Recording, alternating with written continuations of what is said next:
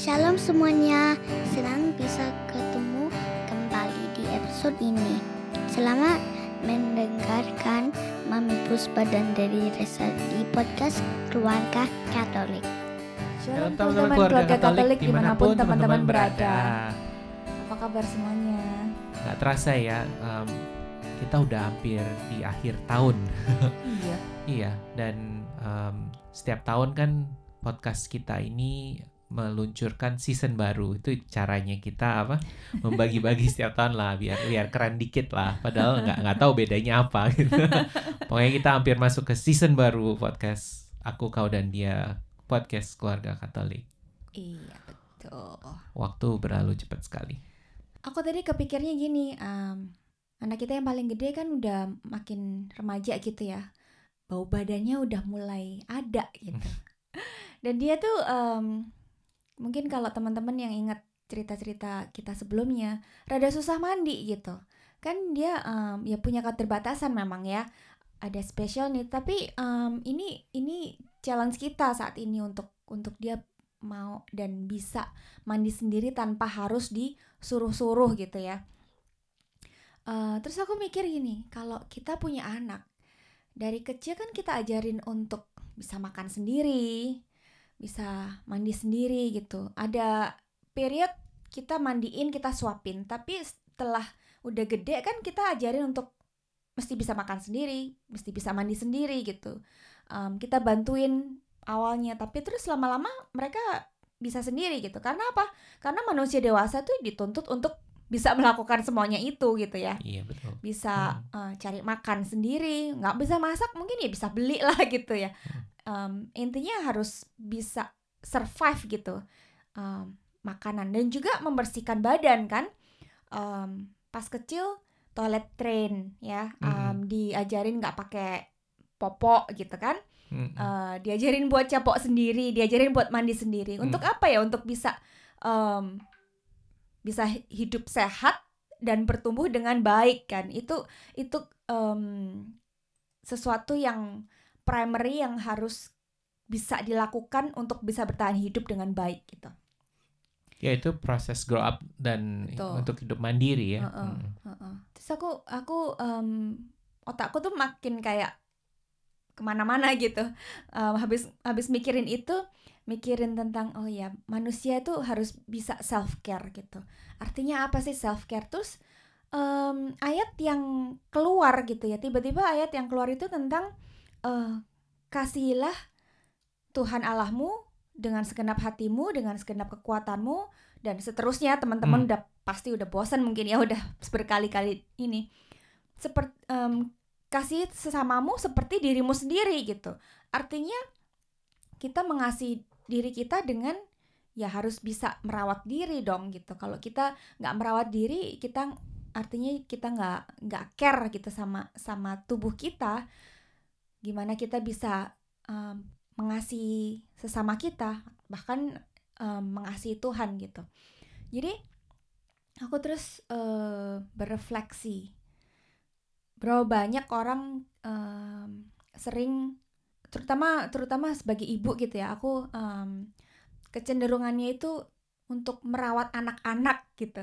Dulu merawat merawat diri sendiri itu belakangan gitu terutama di culture Indonesia lingkungan itu mendidik kita gitu untuk kita itu em, apa ya mengesampingkan kebutuhan kita dan dan mengedepankan eh, kebutuhan orang lain gitu dan itu em, tanpa ngajarin kita untuk em, peduli sama kebutuhan kita sendiri gitu Hmm. Ah. Jadi itu hal yang baik gitu menurut culture kita atau orang kebiasaan aja gitu I kali ya. think so ya Jadi ya tanpa acceptable, sadar jadi gitu ya jadi Heeh. jadi accepted gitu ya. Mm-mm. Kalau aku jadi seorang ibu, ya anakku semua terus nomor satu ya aku Iya. nggak penting. Heeh. Heeh. Heeh. dengan dengan eh, mengesampingkan kebutuhan kita Hmm. em, itu seolah-olah itu mengasihi bentuk cinta gitu ya Iya. tapi terus jadi em, banyak kasus yang bikin situasinya jadi sebaliknya Karena apa? Karena saat kita em, terus menerus nggak ngurusin diri sendiri gitu, Iya. kita jadi rusak gitu, gitu. Kita jadi capek gitu. Em, kapan hari aku tuh ngobrol sama sesama sesama parent yang punya anak kebutuhan khusus gitu. Dia cerita dia feel guilty saat dia tuh capek Mm-mm. dan kepengen tidur. Mm-mm. Kepengen tidur karena emang udah udah capek Kecapean. kecapean gitu kerja ngurusin anak ngurusin rumah ngurusin anak yang lain ngurusin anak yang special needs gitu dan feel guilty untuk tidur gitu padahal kan tidur itu kebutuhan ya Ke- kebutuhan dong, manusia kebutuhan gitu dasar. untuk untuk bisa beristirahat gitu tapi kenapa bisa bisa merasa bersalah gitu untuk bisa tidur dan aku juga Iya. refleksi iya aku juga sometimes gitu aku ngerasa guilty kalau aku uh, capek kepengen tidur padahal rumah masih berantakan gitu Mm. setrikaan masih numpuk Mm-mm. dan eh, ya nggak nggak bisa nggak bisa nggak berasa guilty gitu kayaknya iya em, jadi terus aku berefleksi wow gimana kita bisa merawat kalau jadi terus kalau kita em, apa ya memforsir diri kita untuk untuk melakukan semuanya itu gitu ya demi orang lain tanpa mempedulikan tanpa care sama em, keadaan kita merawat diri kita suatu saat kalau kita breakdown kalau kita sakit lah terus siapa yang ngurusin mereka gitu? Kan makin susah makin repot gitu kan?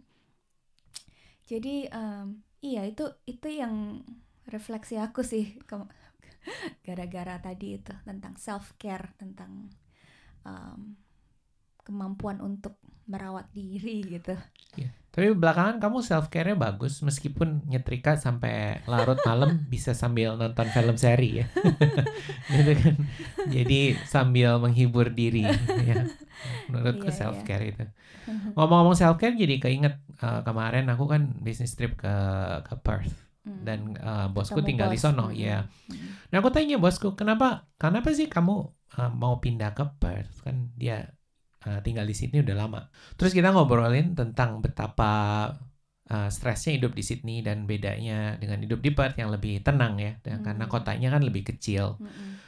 Lalu dia bilang gini, uh, waktu aku tinggal di Sydney dan uh, aku terlalu banyak stres, aku I became an unpleasant man. Jadi di- untuk keluarganya, untuk orang lain karena sebegitu stres Hmm. ya mungkin apa ya lebih gampang cranky marah gitu jadi nggak nyenengin dia nyadar Aku tahu Dan- bahasa Jawanya. apa tuh Jadi orang yang bencek Bencek no. no.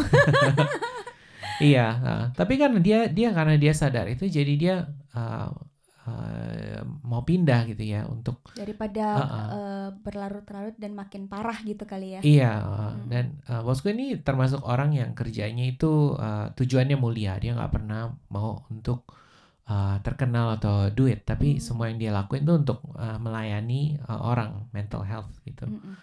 Ya, kebetulan Oktober ini kan mental health Oh month ya, iya. di mana kita diingetin untuk um, merawat diri, untuk Hmm. self care Mm-mm. yang bagus. Mm-mm. Tapi aku tertarik dengan poinmu yang tadi. Kamu Yang bilang uh, kalau kita nggak self care, kita bisa rusak.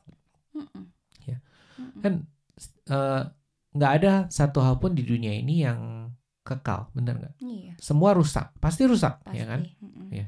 Baju bisa robek, Mm-mm. gitu, mobil bisa rusak. Semua barang yang kita miliki lama-lama kan jadi aus, Mm-mm. makin jelek, makin baret, makin pudar gitu ya. Ada waktu. Ada waktunya. itunya ya. Ha-ha. Tapi aku jadi ingat kayak misalkan mobil, Hmm. Ka- kan itu mesti diisi olinya ya. Mm. Dan uh, olinya setiap ya 6-12 bulan sekali mungkin ya. Itu kan Hmm. mesti diganti, Dirawat di servis. dirawat, di Mm-mm. servis Mm-mm. gitu. Nah aku lihat aku pernah lihat video di YouTube tuh di mana olinya tuh bisa jadi kayak jelly karena nggak pernah diganti. Dan um, dan juga aku lihat uh, si- apa video-video di mana mobil yang uh, olinya dan airnya kering itu rusak. Um, kalau ya kalau cairan-cairan dalam mobil itu nggak diisi terus mulai Nggak ada bensin. tua ya, dan dan rusak itu bisa merusak mobilnya sendiri dan kalau udah rusak kan nggak bisa diperbaiki. Guna. Ah, ah. Iya. Eh, ya buat itu buat aku itu eh, jadi ilustrasi gimana kalau kita nggak ngerawat diri kita sendiri juga akan ada saatnya di mana kita akan merusak diri sendiri dan itu nggak bisa dibenerin lagi. Hmm. Contoh paling gampang tuh badan kita ya. Mm-mm. Stres tuh kan uh, itu put pressure um, ke ke jantung terutama gitu. Hmm. Banyak orang yang stres itu jantungnya rusak gitu. Hmm. Sedangkan kalau kita merawat diri kan nggak harus sampai sebegitu kan. Mm-mm. Dan kalau di jantung rusak gimana? Mm-mm. Operasi pun belum tentu bisa benerin kan. Iya. Iya. Mm-mm. Jadi uh, buat aku seperti itulah ilustrasi seperti itu dan cerita orang-orang yang apa merasa uh, terlalu stres sampai sampai itu mempengaruhi dirinya itu jadi warning ya buat Mm-mm. aku dan kita semua untuk uh, memprioritaskan uh, self care itu Mm-mm. dan aku merasa Tuhan pencipta kita udah tahu ya apa kefanaan kita dan keterbatasan kita dan Mm-mm. pentingnya uh, kita merawat diri Mm-mm. gitu. Tuhan aja rest. Iya, Ya. Tuhan aja rest. Tuhan aja kasih contoh gitu. Iya, Bukannya dia capek, Ating. iya. uh-uh. Yesus kan uh, selalu dicari orang dan dia bisa apa lari dari orang banyak dan Me beristirahat. time. Uh-uh. Yesus Di gunung yang berdoa. manusia. uh-uh. Dia Iya. bisa gitu. Jadi mungkin sebagai ini mungkin sebagai pengingat aja ya buat Hmm. buat aku dan Mm-mm. kamu dan Mm. buat teman-teman terutama di mental health month ini untuk self care. Iya. Know when to stop, know when to rest. Don't wait until you are forced to rest. Alias sakit. Ya. Don't feel guilty. Yes. Yesus pun kabur dari orang-orang yang mencari dia sejenak Heeh. supaya dia bisa melayani lebih efektif lagi. Di charge ya Di gitu charge. ya. Heeh. Iya. Iya. Dan tentunya charge-nya em, kita juga bisa secara fisik beristirahat tapi juga em, berlari pada Tuhan ya. Iya. Em, Mm. Tuhan kasih ketenangan dan penghiburan dan Iya, heeh. kita harus pakai iya, heeh. kita harus pakai charger rohani dan dicoloknya ke kitab suci dan doa. Iya, Iya kan? chargernya mesti rohani Heeh. dan jasmani. Ya.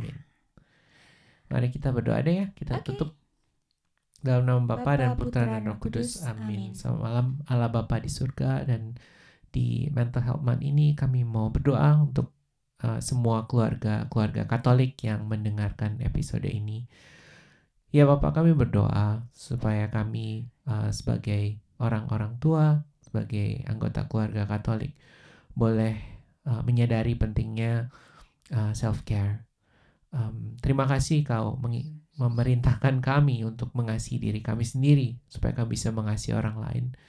Bantulah uh, kami keluarga-keluarga Katolik, terutama kami yang merasa mungkin bersalah um, kalau beristirahat. Bantulah kami untuk bisa uh, menerima dan menjaga diri kami sendiri. Dan kami juga berdoa untuk semua keluarga Katolik yang mungkin uh, istirahat dan self care itu luxury ya. Um, ada banyak situasi yang sulit. Kami berdoa untuk semua keluarga Katolik yang mengalami situasi sulit. Ya Tuhan Yesus mohon beri solusi dari masalah-masalah hidupnya dan beri mereka kesempatan untuk boleh um, merawat dirinya. Mohon kasih-Mu untuk hadir dalam diri semua keluarga Katolik. Mohon hadir dalam keluarga kami juga ya Tuhan. Terima kasih kami serahkan hidup kami dan keluarga kami ke dalam tangan-Mu. Amin. Amin. Dalam nama Bapa dan Putra dan Roh Kudus. Amin. Terima kasih sudah mendengarkan episode kali ini. Pastikan untuk subscribe podcast Aku, Kau, dan Dia dan kunjungi website kami di keluargakatolik.online untuk info dan tulisan yang terbaru.